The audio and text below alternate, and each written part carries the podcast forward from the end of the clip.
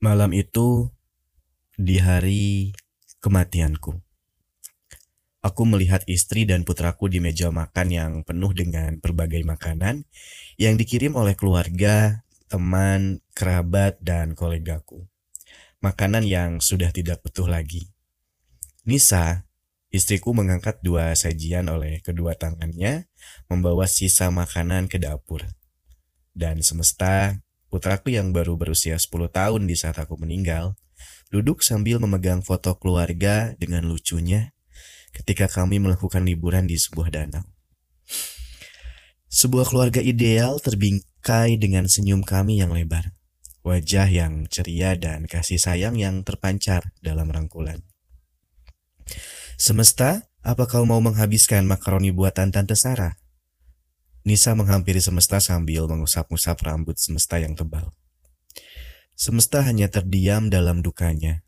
Nisa melirik pada foto yang dipegang oleh semesta lalu membungkukkan badannya hingga wajahnya berhadapan dengan wajah semesta. Ayah kini sudah tenang. Kita tidak boleh bersedih terlalu lama ya sayang. Pagi tadi ayah meninggal bunda, dan sekarang aku sudah merindukannya. Kata semesta lirih menahan air matanya tumpah. Sebagai seorang ibu, Nisa begitu mengerti perasaan semesta dan sebuah keegoisan jika dia melarang seorang anak untuk tidak boleh berduka ditinggal oleh ayah yang dicintainya. Sungguh Nisa pun hancur jiwa dan raga karena kematianku. Namun, Nisa memilih tegar untuk semesta. Bunda juga merindukan ayah sayang, tapi Bunda yakin kalau ayah tidak ingin melihat kita bersedih. Semesta dipeluknya erat dalam wajah menahan air mata untuk keluar. Mengapa ayah tega meninggalkan kita, Bun? Apakah kita telah melukainya? Apakah ayah membenciku? Apakah gara-gara nilai aku? Atau apakah uh, gara-gara aku bertengkar di sekolah, ayah pergi dari kita? Semesta mulai terisak. Nisa semakin memeluknya dengan erat, dan isakan semesta tiada daya untuk menahan air mata Nisa tidak terjatuh. Ayah tidak mungkin membenci kita, sayang. Nisa mulai tidak bisa berkata tegas karena air mata tidak dapat ia bendung. Ayah tidak membenci kita. Ayah meninggalkan kita karena kini Nisa menyerah. Ia menangis terseduh-seduh dengan menundukkan kepalanya. Semesta yang saat itu sedang terisak-isak menjadi pelipur duka sang ibu. Dia merangkul Nisa dengan mungilnya. Bunda, maafkan semesta. Semesta sayang, Bunda. Peristiwa di meja makan rumahku dapat kulihat dengan jelas. Dari tempat ruhku berdiri, aku melihat kesedihan atas kepergianku. Seandainya saja ruhku bisa menyentuh mereka, akan kuhapus air mata kedua orang yang sangat aku cintai itu.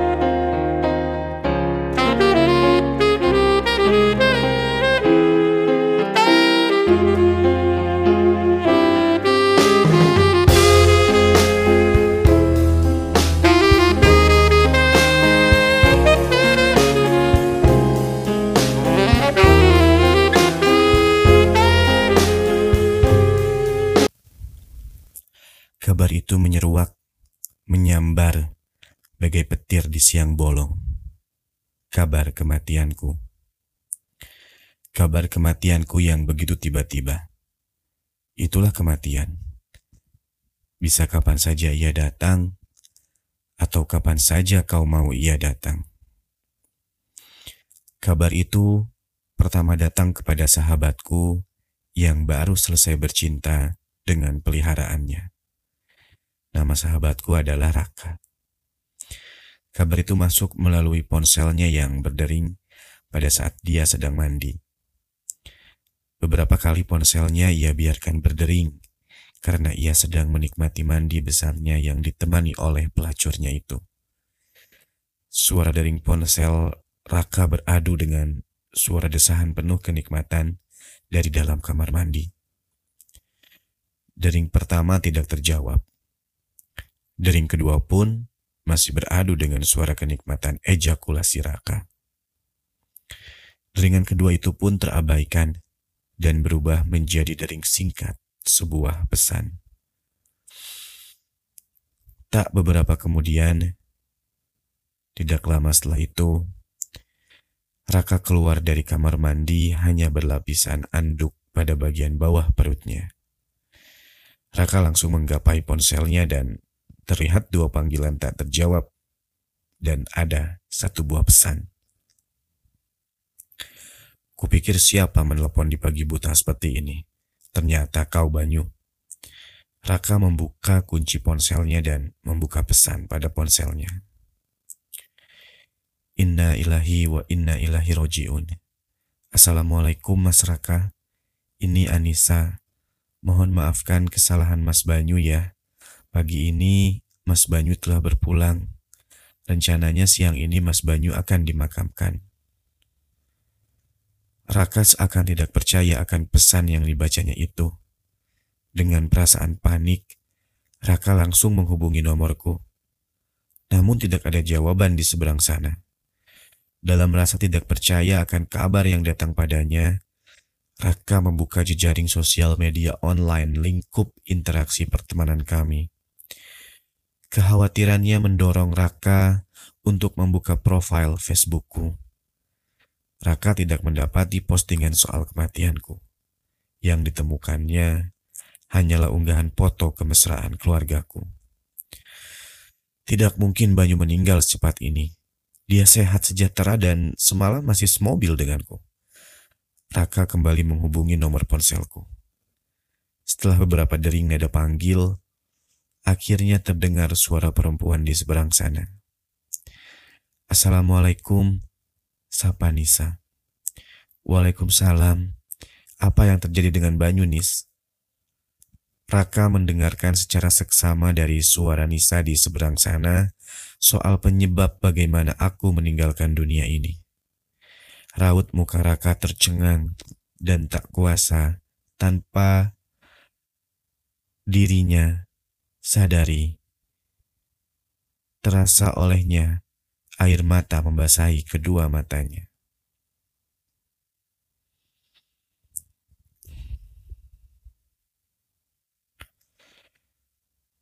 Di sebuah komplek perumahan mewah yang asri dan hijau, tampak satu rumah indah dengan tembok batu exposure dan lantai bertemakan rustik dengan gongsol yang menawan. Tinggal sebuah keluarga yang harmonis lagi kaya raya. Pagi itu, suasana meja makan sudah hingar dengan suara anak-anak yang siap untuk pergi sekolah.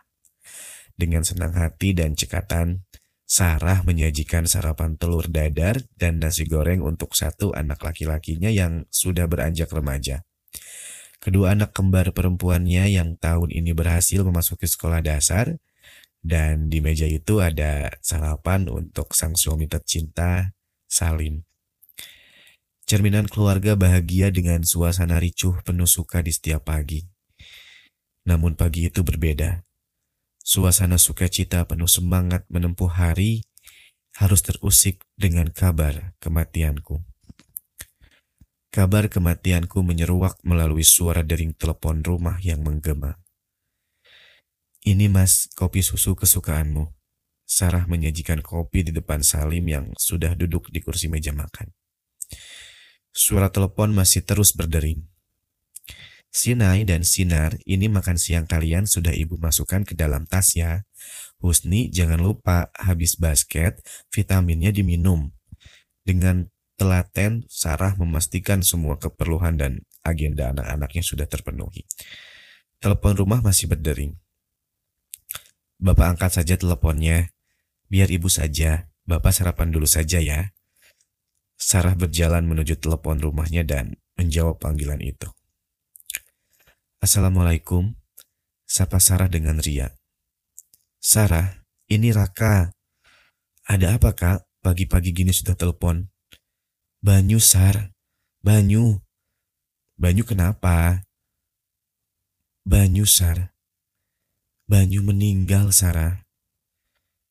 Sarah tertegun, membatu, seakan petir benar menyambarnya.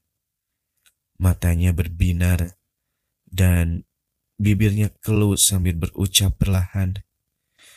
Inna ilahi wa inna ilahi rojiun. Banyu. Dan tak kuasa ia memegang gagang telepon itu jatuh menyenggol vas kecil yang kemudian pecah di lantai. Sarah, ada apa? Tanya Salim dari meja makan. Si kembar dan Husni pun tercengang melihat Sarah yang gontai sambil menahan kesedihannya.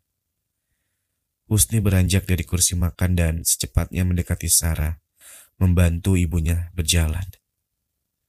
Ibu, hati-hati. Usti menggandeng tangan dan merangkul pundak Sarah yang terlihat lemas. Usni rangkul pundak Sarah. Ia khawatir jantungnya kambuh.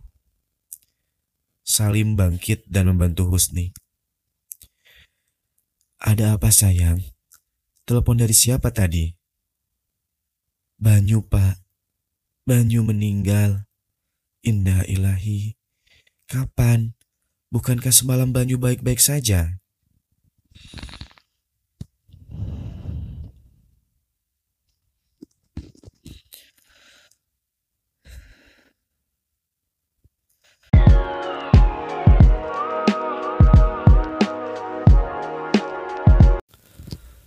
Matahari pagi, sinarnya mulai menyelip, menerangi hikuk-pikuk kota yang sudah dimulai. Harrier hitam sudah memasuki lahan parkir sebuah gedung perkantoran. Selamat pagi Pak Gilang, sapa tukang parkir dari bilik kerjanya. Selamat pagi Pak Toib, jawab Gilang ramah dan tersenyum.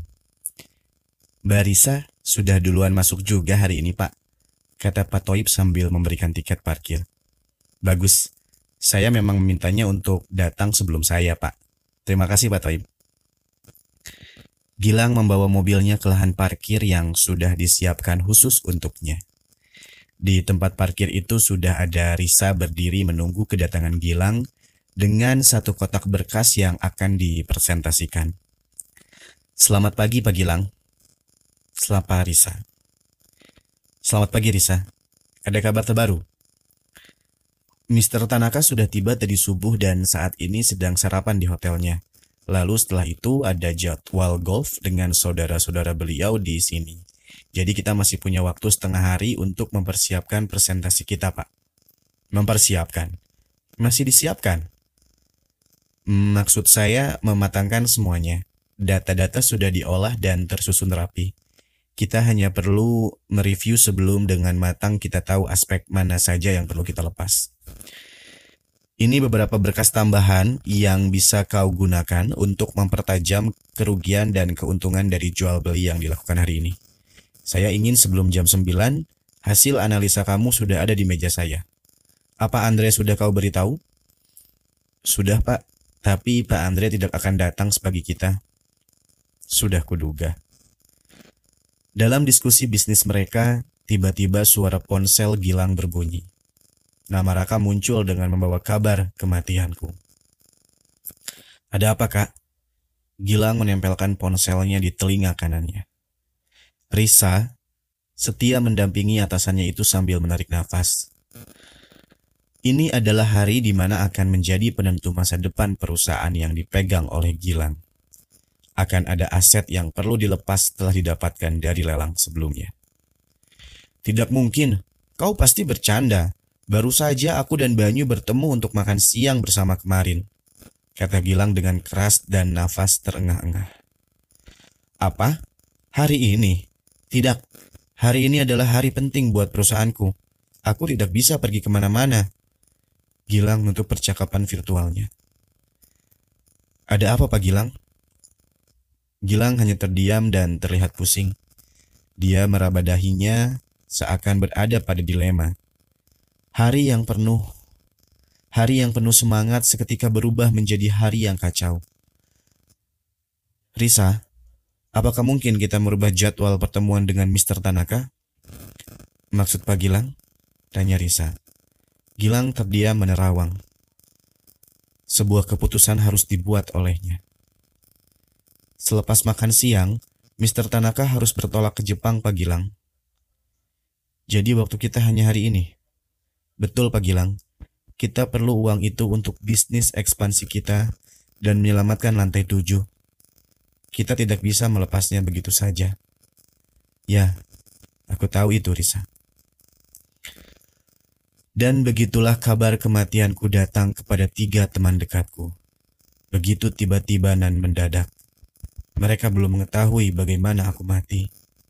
Dan untuk pertama kalinya, setelah reuni akbar lima tahun lalu, mereka akan bertemu untuk membicarakanku dan menemukan jawaban dari yang mereka cari.